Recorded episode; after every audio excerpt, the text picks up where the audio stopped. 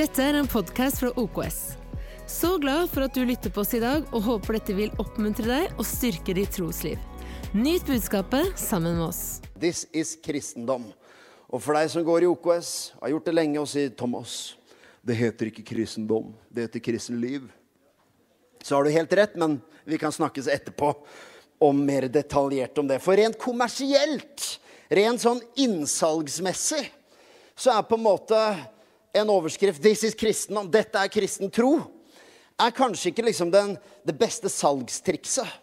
Nå, det er mange her som jobber med, med marked og, og, kommunikasjon og salg og alt mulig sånn. Og man kan si en temaserie som heter 'Dette er kristendom', er kanskje ikke det som fenger mest. Faktisk så kan du se av og til på kristne konferanser så kan du se hva som fenger mest. Det er bare, bare en artig observasjon. Ikke noe teologi i dette.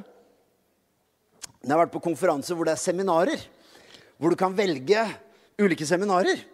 Og det er litt interessant noen ganger at hvis det er et seminar som kanskje heter uh, uh, 'Jesus døde for dine synder', jeg vet ikke, et eller annet bare helt mainstream kristendom, så er det kanskje en håndfull mennesker og syns det er spennende med en bibeltime liksom, om forsoningen og Jesu blod. Og så er det en annen sesjon som handler om 'Slik gjenkjenner du Antikrist når han kommer'. Og der har det en tendens til å være en kø av interesse. Og jeg sier ikke at jeg, Det kan godt hende jeg hadde vært der sjøl, men eh, jeg sier ikke at det er noe veldig sånn at alle kristne er veldig distrahert og, og har feil fokus. Men det er likevel sånn, hvis du for øvrig, hvis du lurer på hvem Antikrist er, så skal jeg ta det neste søndag.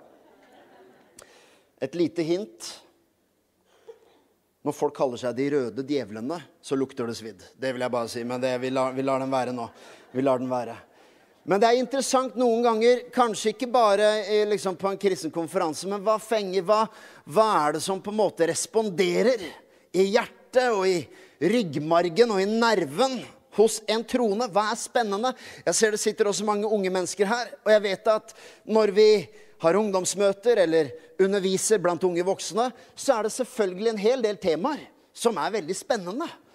I den tida man lever, og i den fasen av livet man er. Og jeg har vært nok på ungdomsfestivaler og ungdomsmøter til å vite hvordan du kan få hundrevis av ungdom til å være helt stille. Det er bare å velge et visst type tema, så har du alles oppmerksomhet. Det er ok, og det skal vi snakke om. Men samtidig så er det så viktig for oss som troende å forstå hva som er sentrum. Det er så avgjørende å ikke bli distrahert. Og det er egentlig noe Paulus gjentar mange, mange ganger. Og sier at 'gi ikke slipp på det som ble overlevert til dere'. Dette her var troen. This is kristendom.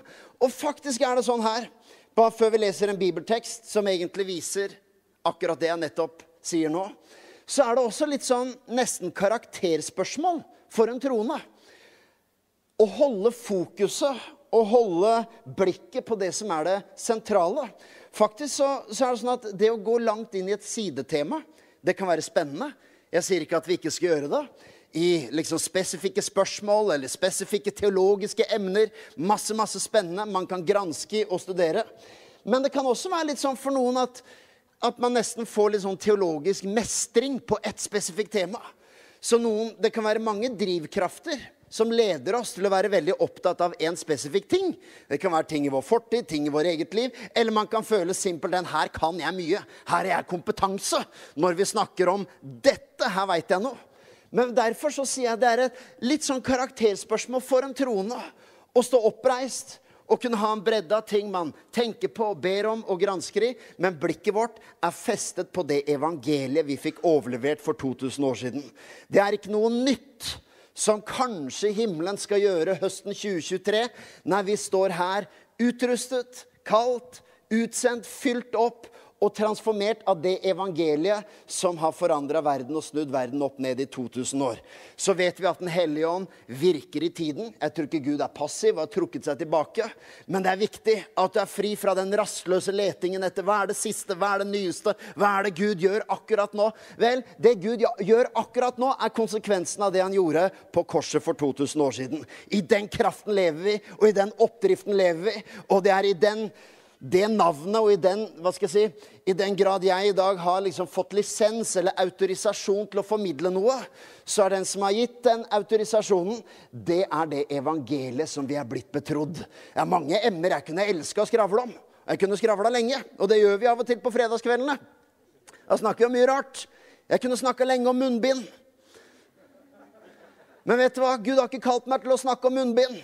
Jeg kunne raljert om munnbind. Når FHI nå annonserer De skal gjøre en test. 5000 mennesker.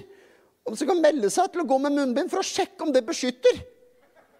Er ikke det litt sent? Men uansett, vi lar det Der ser du det. Du var ikke noe oppdrift på det med en gang. vet du. Men det der oppdrift på oss som jeg har fått autorisasjon til, er ikke å raljere om munnbind. Og det er fint å beskytte hverandre osv. Men, eh, men eh, jeg kjenner jeg skal sette punktum umiddelbart på det temaet. Det jeg skal si, er at det vi har i kirka, det som vi er blitt betrodd, er evangeliet. Og det er en krise for kirken å bli distrahert fra det evangeliet. Og hvis man tenker at det ville aldri skjedd meg vet du hva? Dessverre så viser kirkehistorien hvor lett vi blir distrahert. Og til og med Paulus er i sine brever veldig opptatt av å bringe kirken til det sentrale, til der elva flyter, der åren er. Det er der selv de tingene man kanskje brenner for litt sånn på siden. Du skjønner, gjerne Kanskje man brenner spesielt for temaet helbredelse. Og det er et veldig bra tema. Det er bra å undervise om. Vi har masse om det på bibelskolen, og vi tror på dette her i huset. Forbønn for syke. Samtidig så er det sånn at Jesus døde ikke på korset for at syke skulle bli helbredet bare. Han døde for å gjenopprette relasjonen med himmelen. Det er evangeliet. Og det som er forunderlig, er at noen ganger så er det et fokus på evangeliet som faktisk forløser også en strøm og en elv av legedom. Det er ikke alltid sånn i Guds rike at hvis vi bare snakker nok om akkurat det, så blir det temaet bra. Hvis vi snakker nok om seksualitet, da kommer mennesker til å på en måte følge Bibelens retningslinjer på det. Jo, det fins mange ting å snakke om, men når vi holder blikket på evangeliet, så er det så mye frukt og så mye liv som springer ut fra det, at det berører alle de andre områdene. Så uansett hva du brenner for, uansett hva du trenger akkurat i dag, som Markus sa i møteledelsen, kanskje kom her inn med helt spesifikke behov, og du håper Kanskje han skal preke om akkurat det i dag. For jeg lurer på hvilken farge skal jeg beise terrassen min med til våren? Og du håpa på et Guds ord og et profetisk ord som kunne si at du skal ha det i koksgrå. Det var den illustrasjonen som jeg bare følte jeg måtte være lydig med å eh, formidle her. Nei, vet du hva som er fantastisk? Du kan gå fra kirken i dag Kanskje jeg har snakket spesifikt til deg, kanskje jeg ikke har det. Men det som du skal få lov å gå herfra med, det er evangeliet om Guds rike. Evangeliet om Jesus Kristus. Evangeliet som gjør at uansett hva du slåss med, uansett hvilken spenning du står i, så kan jeg love deg, det er ryggraden i enhver sesong av livet ditt. Amen? Amen. Så this is kristendom. La oss lese. 1. Korinterbrev 15. Jeg kunngjør for dere søsken det evangelium jeg forkynte dere det dere også tok imot, det dere også står på. Gjennom det blir dere også frelst når dere holder fast på ordet slik jeg forkynte det. Ellers blir det forgjeves at, eh, at dere kom til tro. Kan du se hva Paulus sier?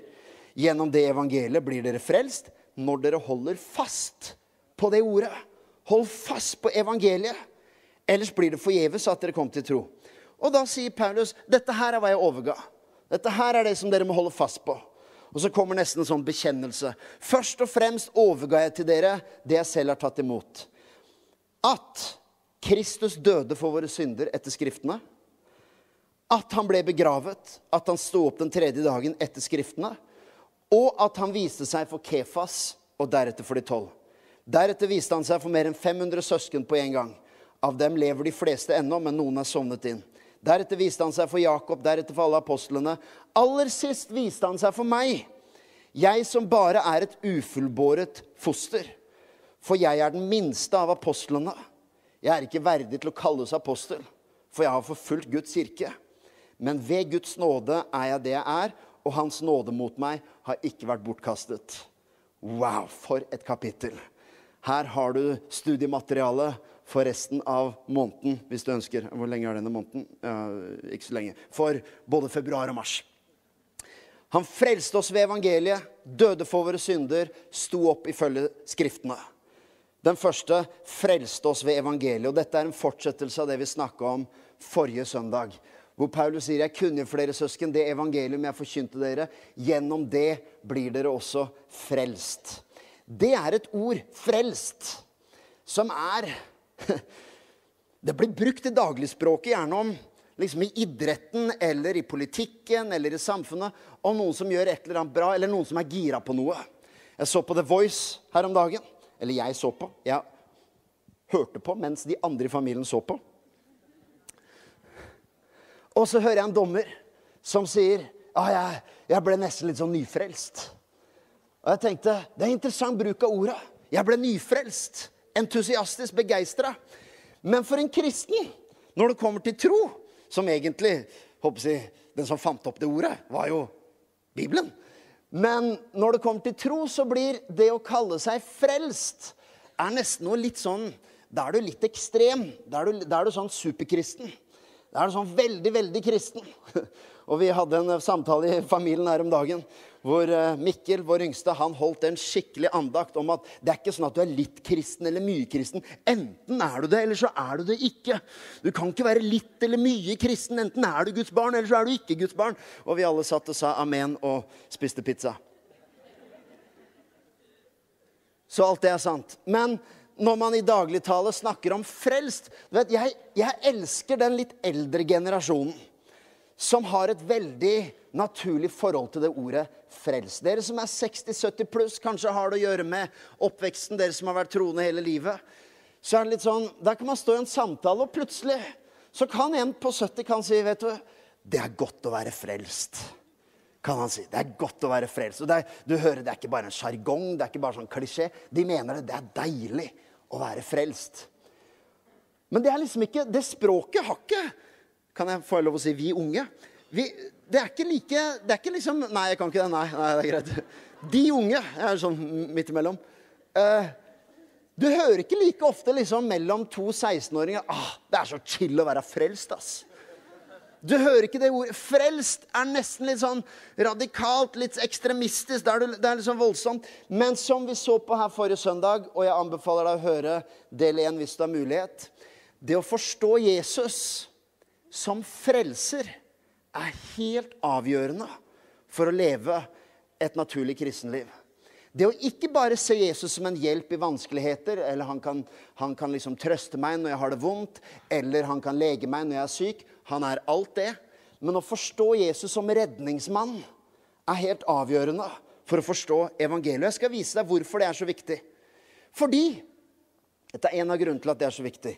Alle andre religioner sine grunnleggere blir fremstilt som lærere. Kan tenke deg hvilken som helst verdensreligion. Dens grunnleggere og dens guruer og dens frontfigurer. Det er alltid sånn at grunnleggeren var en stor lærer. Jesus var også en lærer. Men det kristne evangeliet er det eneste der grunnleggeren ikke bare kommer og gir en lære, men han sier 'Jeg er frelser'. 'Jeg er redningsmann'. Kun det kristne evangeliet. Og hvorfor er det viktig å forstå? Jo, fordi det gjør at alle religioner i sin essens handler om noe du må gjøre. Jeg vet at du som har hørt mye om Guds nåde, kjenner til dette. Men du må forstå religionens vesen, som man kan finne kristendom også. Religionens vesen er at du kommer og får høre hva du må gjøre for å tilfredsstille Gud, for å komme i mål, for å nå nirvana, for å gjøre det som trengs. Og, og alle, mange av religionenes uh, grunnleggere de har nok undervist om veien til frelse. Veien til nirvana. Slik blir du frelst. Og de kan bruke det ordet i forhold til at dette må du gjøre for å komme dit. Men Jesus er den eneste som ikke bare kom med en lære og sa 'dette må du gjøre', men som kom og sa 'jeg har gjort det'. Det er forskjellen på religion og evangelium. Og det ordet evangeliet Jeg vet at um, når Paulus sier 'jeg kunngjør dere', jeg kunngjør det evangelium jeg forkynte, så vet mange her at det ordet evangelium betyr gode nyheter. ikke sant? Men måten det ordet også ble brukt på i antikken, det var For det ordet fantes før Bibelen, ordet evangelium. Og måten det ordet ble brukt på, det var i forbindelse med proklamasjon av gode nyheter, men gjerne ofte en militær seier. Kanskje et gjennombrudd. Kanskje proklamasjon av en ny konge. Et eller annet som folket fikk vite. Her kommer et evangelium, et budskap. Så kommer Jesus og sier ikke bare at her kommer en instruks, her kommer en lære, her kommer et sett med regler. Nei, her kommer en proklamasjon. Du skjønner, En instruks forteller deg hva du skal gjøre. Et evangelium forteller noe som har skjedd. Noe som har blitt gjort. Derfor er religion er en instruks. Kristendom er en nyhet. Vi lever her fortsatt på en nyhet. Nyheten av Jesu oppstandelse. Nyheten av hans forsoning, av hans rettferdighet, av hans kongedømme, av hans herredømme. Vi er her fordi denne nyheten har snudd opp ned på alt. Proklamasjonen av en ny tidsalder. Det er ikke sånn at det i kristen tro ikke finnes lære, og det ikke finnes instrukser. Men det er så viktig at ryggraden i din tro Og dette sniker seg inn så raskt i oss at hvis jeg bare gjør sånn, da kommer Den hellige ånd. Hvis vi bare hadde gjort sånn, da vil Gud belønne oss med sitt nærvær. Hvis jeg bare er overgitt på denne måten Nei, du skjønner, all religion klarer å gi deg instrukser. Det kristne evangeliet er en proklamasjon av noe som har skjedd. Noe som vi kan pakke ut og få lys over og få stadig mer innsikt i. Ja visst, men det er i sin essens en proklamasjon. Og derfor er også kristendom sentrert rundt en person og ikke en lære. Kristen lære er viktig. Absolutt. Kjempeviktig. Læren vår er ikke uviktig på noen som helst slags måte, og feilaktig lære kan ha alle slags mulig negative konsekvenser i menneskers liv og i kirken. Men min tilnærming som kristen er ikke først og fremst at jeg ble opplært til å være en kristen. Se der. En slags bekreftelse, tolker jeg det som. Ikke først og fremst at jeg ble opplært til å leve som kristen. Jeg ble redda! Jeg ble frelst! Det er godt å være frelst. Kan ikke du bare liksom, Uansett alder og uansett sjargong du er vant med, kan ikke du liksom bare hvis, hvis, du er komfortabel med det, ellers så kan du bare stirre rett fram, eh, kan ikke du bare si til en rundt deg Veit du hva? Det er godt å være frelst.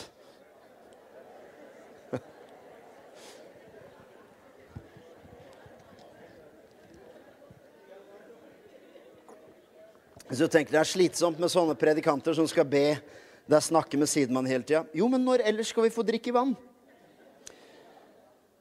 Det er godt å være frelst. This is kristendom. Han frelste oss ved evangeliet. Her er det andre. Han frelste oss ved evangeliet, og så døde han for våre synder. Du tenkte etter tre måneder i sabbatstid, som Thomas og Katrine har vært, som vi fortalte om forrige gang, så må Thomas ha Nå må det ha kommet et eller annet fett bibelstudium. Han må ha lest noen bøker, noe revolusjonerende nytt. Et eller annet som aldri har blitt sett før i Bibelen. Og jeg skal innrømme, jeg er litt skeptisk når en forkynner og begynner en tale med I dag skal jeg snakke om noe ingen har sett før. For vet du hva? Mine sterkeste øyeblikk med Herren og med Guds ord er ikke når han viser meg noe jeg aldri har sett før. Det er når han viser meg det som allerede er vist. Når jeg får nytt lys over det han allerede har gjort.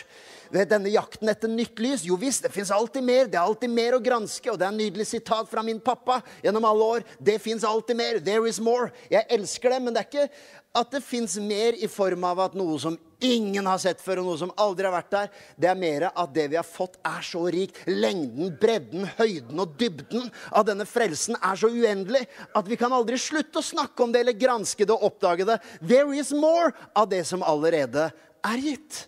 Derfor, etter tre måneders sabbatstid, og du venta på et fancy tema av noe helt spissfindig, så kommer jeg et sted og snakker om han døde for våre synder. Først og fremst Og hør på Paul sin ordlyd. Dette er viktig. Han sier først og fremst av kristendom.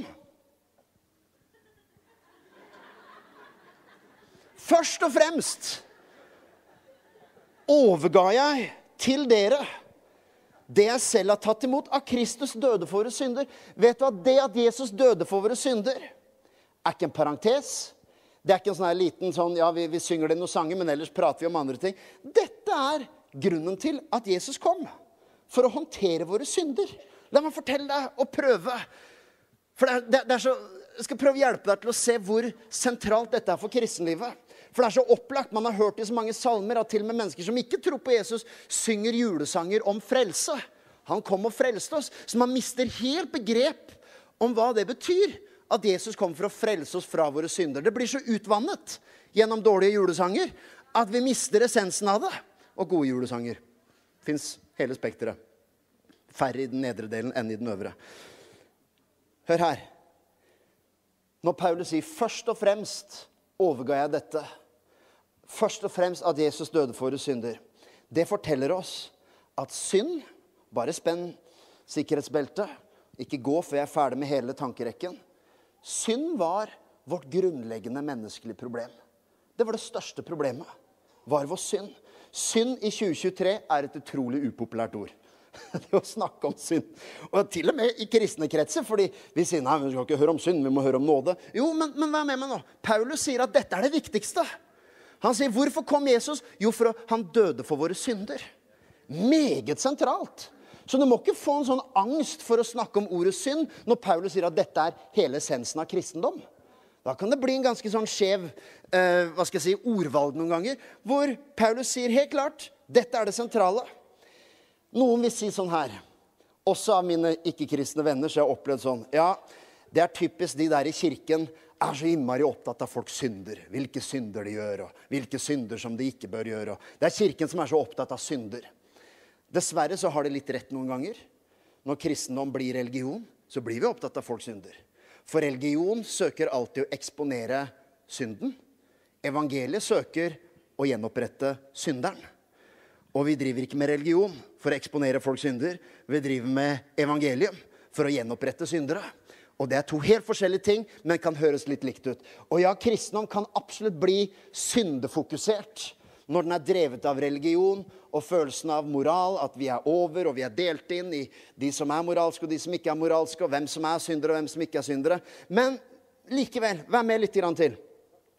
For jeg opplever, både i samfunnet og med venner og mennesker man omgås med Og dette er ikke, jeg vet ikke hvor fruktbart det er å peke på akkurat dette her.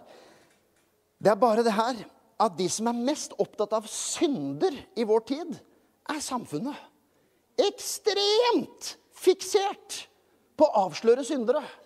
Helt voldsomt. Det er bare at man bruker ikke det ordet synd. For da tenker man at det er sånne moraliserende kristne. Så er hver eneste dag mediene fullt av moraliserende ting over å eksponere syndere. Har vi noen gang i vår tid, i moderne tid, sett en sterkere trend av at en som sier noe feil, gjør noe dumt, sier noe han ikke skulle ha sagt, tråkka i salaten, så til de grader blir ekskludert av samfunnet. Hiver ut av sosiale medier, Hiver ut av det ene og det andre, blir kansellert her og der. Har vi noen gang sett det er mange synspunkter på det, men har vi noen gang sett samfunnet vårt være mer nådeløst overfor syndere? Ekstremt!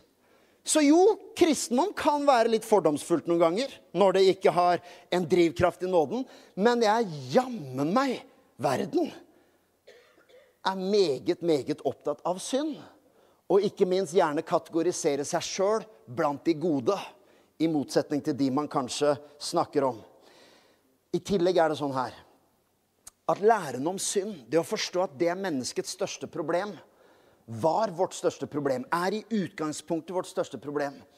Det er egentlig, og jeg skal ikke gå inn i noe filosofisk tankerekke nå, men hvis du tenker over det Utrolig mange vanskelige spørsmål som mennesker har, blir besvart i den kristne læren om synd. Det er en utrolig god forklaring på at verden er som den er. Og én ting er når man ser liksom det store bildet og krig og uro og verdensledere. Det er lett å tenke at er, der er synderne er de på toppen. Men det er på mikronivå. Ned på hver minst, hver eneste arbeidsplass. Konflikter i opprivede hjem. Brudd. Sinne. Konflikt. Rettssaker. Baktalelse. Eh, man kan bringe det inn, ned i skolegården. Man tenker at liksom, ja, det er, det er barna. De er rene og uskyldige. Well jo, det er rene på en måte, og de, derfor skal vi beskytte dem. Men det, jeg mener skolegården er jo på alle mulige måter et sted for gruppering, baktalelse, utskviselse. Eh, alle slags mulige konstellasjoner Det vet dere som jobber som lærere. Og jeg er så glad for at skolen her jobber fantastisk bra når man ser sånne ting. Det er ikke, det er ikke snakk en kristen skole, så fins ikke dette. Vi tror det er et glimrende og bra miljø, men det er sånn, du skal ikke lenger enn til et helt vanlig Du, du skal bare på et fotballag og se intrigene som kan foregå. Her, Hva er poenget mitt? Jo, til og med ateister, noen sånne svært uttalte, sekulære ateister som overhodet ikke tror på en verden som bør være fundert på Guds tro, erkjenner og sier at den kristne læren om synd er den mest komplette forklaringsmodellen på vanskelige spørsmål i samfunnet. De sier ja, vi tror ikke på den selv, men det er en glimrende forklaringsmodell. Hvorfor er samfunnet sånn som den er? Jo, fordi synden gjør at mennesker lever for seg sjøl. Synden gjør oss Nå høres det ut som en 50-tallsforkynner her, men husk, vi er et resonnement. Så hvis du skal lage sånne Instagram-klipp på sånne 20 sekunder, ikke ta de akkurat 20 sekundene her ut av kontekst. ok? Men vet du hva? Synd er noe drit. Ja, men det er det. Se på, Som pastor, vi dealer med menneskers liv. Vet du hva? Synd gjør folk til slaver. Synd ødelegger ekteskap. Synd oppriver familier. Synd er djevelsk i sin natur. Synd, og det er bare de syndene man kanskje til og med kan se på utsiden. Så er det de syndene som ikke er så synlige. Hat og bitterhet, sinne, hevngjerrighet. Anklager, baktalelse. Altså, synd oppriver nabolag og familier. Det er det klippet du ikke må ta på Instagram. Er synd fremmedgjøre oss. Derfor, for dette er det jeg bygger opp til, det er derfor vi må forstå hvilken proklamasjon det er i evangeliet. Når vi hører 'Jesus døde for våre synder'. Ja, Du har hørt de, du synger det en julesang, og du bare går deg hus forbi og lurer på når skal Gud hjelpe meg med, med garasjen min. Vet du hva? Jesus døde for våre synder. Det snur opp ned på din og min verden. Det forandrer mitt liv. Det gjør at jeg ikke bare har en Jesus som hjelper meg på vanskelige dager. Jeg ble frelst fra selve essensen av det som ødelegger folk.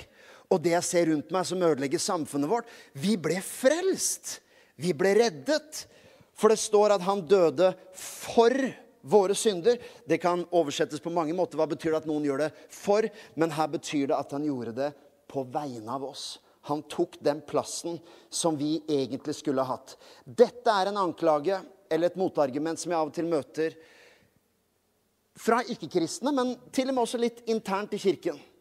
Kanskje ikke i OKS, men i litt ulike sammenhenger. Det er dette her at jo, at Jesus døde for våre synder, altså at han tilga oss, og at, at kravet om rettferdighet ble tilfredsstilt i Jesus, straffen lå på ham for at vi skulle ha fred, så kan den karikerte anklagen være litt sånn her Thomas, for meg er dette barbarisk. At for å deale med våre synder, så har du en blodtørstig Gud som trenger å bli tilfredsstilt, og trenger å straffe noen pga. vår synd. Og de sier det er primitivt og barbarisk. Jeg kan ikke identifisere meg med en gud som krever blod for å bli tilfreds. Vet du hva jeg har å si til det? Kom neste søndag. Da skal jeg svare på det spørsmålet. For jeg har ikke tid til å ta det nå. Men dette kan vi bite oss merke i. At når Paulus kunngjør at Kristus døde for våre synder Tenk på dette her. Paulus sier Kristus døde for våre synder, sier han. Det er bitte lite ord som er utrolig essensielt. Hvorfor det? Jo, for husk, hvem er det som skriver her? Det er apostelen Paulus, fariseeren, en religiøs skriftlærd på toppen av eliten. Han kom ikke fra gata, som en stakkars hva skal jeg si, en person som ropte om hjelp og var nederst på rangstigen og fattig, naken og utslått. Han var på toppen av rangstigen. Og husk at Paulus hadde en teologi Altså, Han var en av de mest selvrettferdige, apropos religion. Du skjønner, En utrolig ovenfra og ned-kultur. Paulus var vokst opp, og husk, han var en voksen mann. Han var vokst opp med en klar overbevisning om at han kunne ikke engang spise middag med ikke-jøder. Kanskje han kunne gå på Mækkern med dem, for der er det så uåndelig uansett. Men han kunne ikke engang spise. Snakk om kanselleringskultur og det med cancel culture. Det er sånn Nei. Hvis du skal ha cheeseburger, da skal ikke jeg ha den ved siden av deg fordi du er hedning. Dette er det Paulus ikke bare er vokst opp med, men er fullstendig neddynket i. Og det er interessant, som en parentes, religiøse fundamentalister og dagens politisk korrekte kultur har ganske mye til felles. Og hva er det for noe? Jo, det er den moralske overlegenheten. Det er dette at det fins noe som er rett, rett tanke og rett troende, som er moralsk overlegent det andre. De strømningene som Paulus var vokst opp i, kan man kjenne igjen i dag. Hvis ikke du er like tolerant som meg, så tolererer vi ikke deg. Det er en gjenkjennelig ånd for oss som har levd, som kjenner litt til hvordan religiøs fundamentalisme ser ut. Husk det, som pastorer så har vi litt kompetanse på temaet. Man kjenner hva det heter, lus er på gangen. Man kan se det spøkelset når man kjenner igjen den fundamentalistiske ånden. Som på en måte ikke tåler fri tanke eller fritt ord, som bare vil liksom dunke gjennom. Ikke si hva du tenker, ikke si hva som du går gjennom. Ikke si hva bare 'Dette her er det rettroende'. Den rettroenheten, den kan vi kjenne igjen, den spiriten. Og det var ikke poenget mitt å drive samfunnsanalyse her. Jeg vil bare, bare si at dette er jo Paulus er vokst opp neddynka i en ovenfra-ned-tanke. Som jøde, som fariseer, som en med doktorgrad i Bibelen. Husk det, bare for å provosere deg bitte litt på tampen her. Husk det at mange av de moralske tingene Paulus hadde reagert på i sin tid, før han kom til Kristus, er det samme som vi reagerer på som kristne i dag. Vi, vi hadde vært enige i mange ting. Konservative Paulus før Kristus og oss. Voldsomt i hallelujarop på den. Men du må tenke over det at han, han, kom ikke fra en umoralsk, hedensk avgudsdyrkelse. Han kom fra klokketro på Guds ord. Bibelen, budene, skriftene, profetene. Hadde klokketro på det og var brennende opptatt av at mennesker måtte leve i lydighet mot det. Og de som ikke gjorde det, var fordømt og var fortapt. Paulus før Kristus hadde vært enig med store deler av kristenheten. han.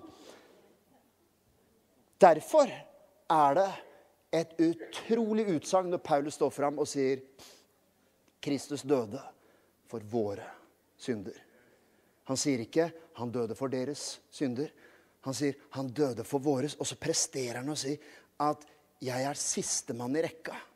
Jeg er nederst på rangstiden. Han sier ting som 'jeg er den største av syndere', sier han. Og den minste av apostler. Du må forstå hvor uvant språk det er for Paulus.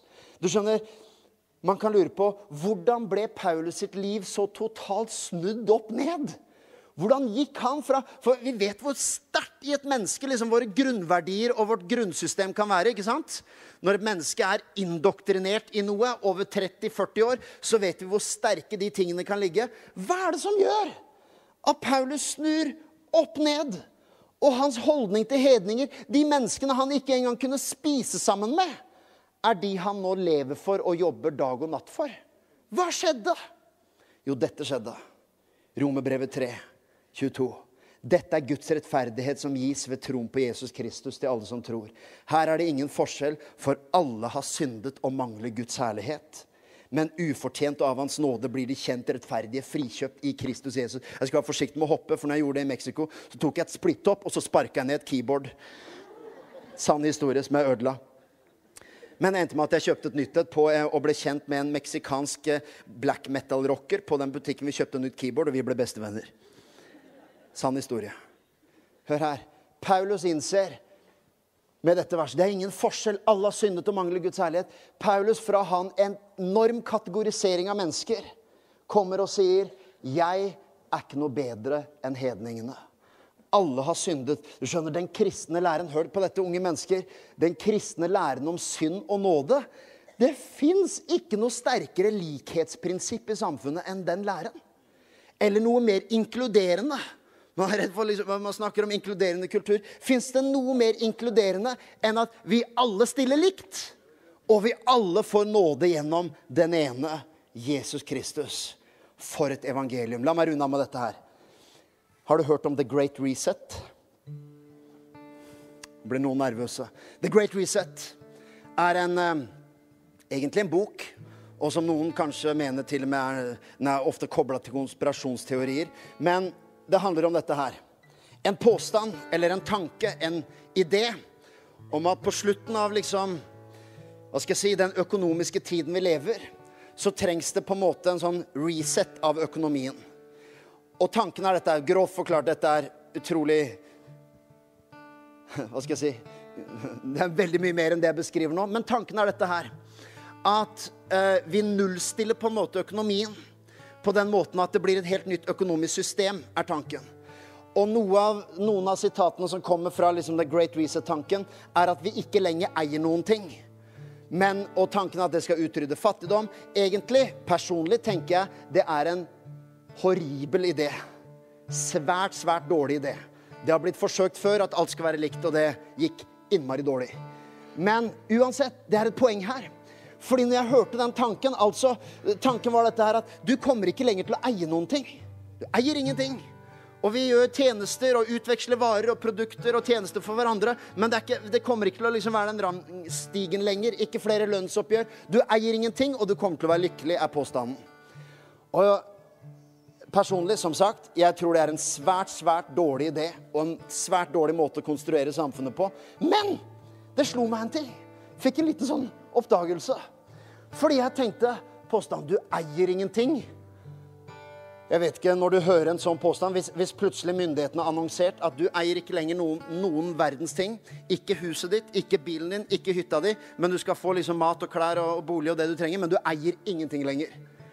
Hvor mange er enig i at det er en litt sånn skummel tanke? En sprø tanke, egentlig. Men bare vær med meg. For jeg har ikke tenkt å si at det er en god idé. Men jeg så plutselig så jeg det fra et helt annet perspektiv når jeg snakka med en person. Fordi jeg syns det er en forkastelig tanke, og det syns jeg fortsatt. Helt håpløst. Men det er klart, jeg tenker umiddelbart på skal, Typisk. Det er det som alltid skjer med totalitære regimer. De skal ta det. Staten skal ha det jeg har. De skal ha huset mitt, de skal ha bilen min, de skal, de skal styre meg, de skal eie alt. En skremmende tanke. Men så og håper ikke du blir provosert av det her, men så snakker jeg med en person som er fattig. Meget fattig. Og som ikke eier noen ting. Og vi snakker om The Great Reset. Og jeg syns det var en fryktelig skremmende tanke for livet og for samfunnet. Denne personen sa Oi, det var en lovende tanke. For jeg eier ingenting. Jeg er nedsylt av gjeld og vanskeligheter. En reset der jeg ikke lenger er nederst på rangstigen, det hadde vært glimrende. Plutselig sa jeg uh, Ja, riktig. Fra ditt ståsted blir det sånn, ja. Hmm. Jeg skal gi deg mye bedre illustrasjoner. Straks ferdig, men her er mye bedre eksempel for deg som syns det ble veldig intenst. Skihopping. Hvis du tar neste punkt Står det ikke, sånn, eh, står det ikke et bedre, La meg gi deg en bedre illustrasjon. I gamle dager, i gamle dager, i skihopp, i hopprenn, så var det Der har vi en, en bedre illustrasjon. Hopprenn og avlyst første omgang. Bare vær med meg. Når det var en hopprenn, og førsteomgang var hoppa, og la oss si at det hadde hoppa 40 av 50 hoppere, så vet sånne folk som Terje Bergum, som har fulgt med på skihopping i et par hundre år, han vet at det som var veldig vanlig, er at hvis vindforholdene endrer seg Hvis det har vært bakvind, og plutselig blir det masse medvind som gjør at man hopper mye lenger, vet du hva som måtte skje da? Jo, man måtte avlyse omgangen, og alle måtte hoppe på nytt. Er det noen som husker det? Og her er poenget. I dag så trenger de ikke gjøre det fordi at de kan bruke vindkorridor og, og gi poeng basert på, basert på, om du fikk baktrekk eller medvind. Eh, nei, eh, altså eh, oppdrift. Så, så, i dag er ikke det som vanlig. Men jeg husker veldig godt at når førsteomgang ble kansellert for den som hadde gjort et kjempehopp, så var det ekstremt dårlige nyheter. For de hadde hoppa 140 meter, de leda konkurransen og sto og jubla på sletta, og så bare Omgangen er avlyst. Men så var det noen som hoppa 70 meter og satt der i irritasjon på sletta, og så hører de første omgang er avlyst, og de tenkte Yes! En sjanse til. Det er interessant. For noen var det at den omgangen ble avlyst, var ekstremt gode nyheter. For andre var det en stor skuffelse. Evangeliet, frelsen. Når Jesus kommer og sier at ingen av dine synder og dine feiltrinn og din bagasje teller. Du er tilgitt, vasket ren i Jesu blod. Du er erklært rettferdig, gjenopprettet. Ikke én synd på din CV kan hindre deg i å være nær Gud. Men det betyr også at alle dine prestasjoner og moralske gjerninger teller heller ikke. Spørsmål. Er du blant de som syns det er en god nyhet? Er du blant de som blir skuffa? Eller er du blant de som blir letta? Veldig mange, basert på liksom summen av tankegang, ville tenkt ingenting av alt det gode jeg har gjort, heller. Ingenting av liksom det jeg har, jeg har virkelig vært, hatt selvdisiplin. Ingenting av det teller. Nei, jeg tror jeg taper jeg, på en avlyst førsteomgang. Her er det kristne evangeliet. Alle tjener på en avlyst førsteomgang. Og hvis du tenker at det er, jeg vet ikke om det lønner seg for meg, at jo, syndene mine blir tilgitt, men også alle mine moralske prestasjoner telles ikke, jeg, jeg tror kanskje jeg ender i minus. Det er en sånn, liksom julaftentanke. Du får gaver, og du gir gaver. Og så har du et budsjett hvor du lurer på Kjøpte jeg Tjente jeg på julaften, eller tapte jeg? det er bare en artig Jeg har aldri vært redd for det. Kan ikke lovsangene komme opp? Eh, jeg har aldri vært redd for at jeg taper på julaften. Men det er noen ganger jeg liksom lurer på hm, Jeg kjøpte gave for så mye, men jeg fikk for så mye. Jeg, I år endte jeg 2004 i minus. Men hvordan er det i forhold til livet og moral? Frelse. Er du blant de som For her er, her er poenget. Her er hele punchline. Det å kalle seg frelst For å kalle seg frelst så må du ha innsikt i at jeg var blant de som var i ferd med å tape. Jeg hadde et dårlig håp. Og det er det Paulus sier. Alle har syndet og står uten herlighet framfor Gud. Så når jeg tenker ja, frels Jo, jo, jeg, Gud elsker meg, og jeg er glad i Gud, og, og, og, og Gud eh, Selvfølgelig hans kjærlighet til meg. What's not to love about me? Skulle bare mangle. Du skjønner, Det fins en sånn ånd i religionen i dag at ja, Guds kjærlighet, selvsagt elsker han meg. Noe annet hadde vært urettferdig. Guds kjærlighet, ja, det skylder han meg. Nei, vet du hva? Frelse er forståelsen av at vi var på minussiden. Vi trengte at han døde for våre synder. Og ikke bare at han døde for våre synder. Her er det beste av alt, nemlig at han sto opp igjen etter Skriftene. Det var det tredje og det siste. Han sto opp igjen, som betyr at ikke bare blir dine synder tilgitt, men du blir gjenopprettet. Religion søker å avsløre synd. Evangelium søker å gjenopprette synderen. Det betyr at i dette rommet, uansett hva du måtte slåss med Det kan være sånne typiske synder som man veit om, og avhengigheter og synder som er lett å peke på. Men det kan også være angst, bitterhet, uro, misunnelse, sammenligning. Den typen mentale og indre synder som holder deg nede. Her er proklamasjonen. Han døde for våre synder sto opp etter Skriftene for at du kan leve et liv i seier over de kreftene. Du er ikke ment å være en slave og ment å være i lenker av synd. Du ble satt fri! Du ble frelst! Han er din redningsmann! Takk for at du tok deg tid til å lytte på en av våre podcaster fra OKS. Vår visjon er å bringe Jesus til mennesker i vår verden, og mennesker i vår verden til Jesus. Følg oss ellers på vår YouTube-kanal og sosiale medier. Du er velkommen til å besøke en av våre kirker. For mer informasjon, sjekk ut oks.no.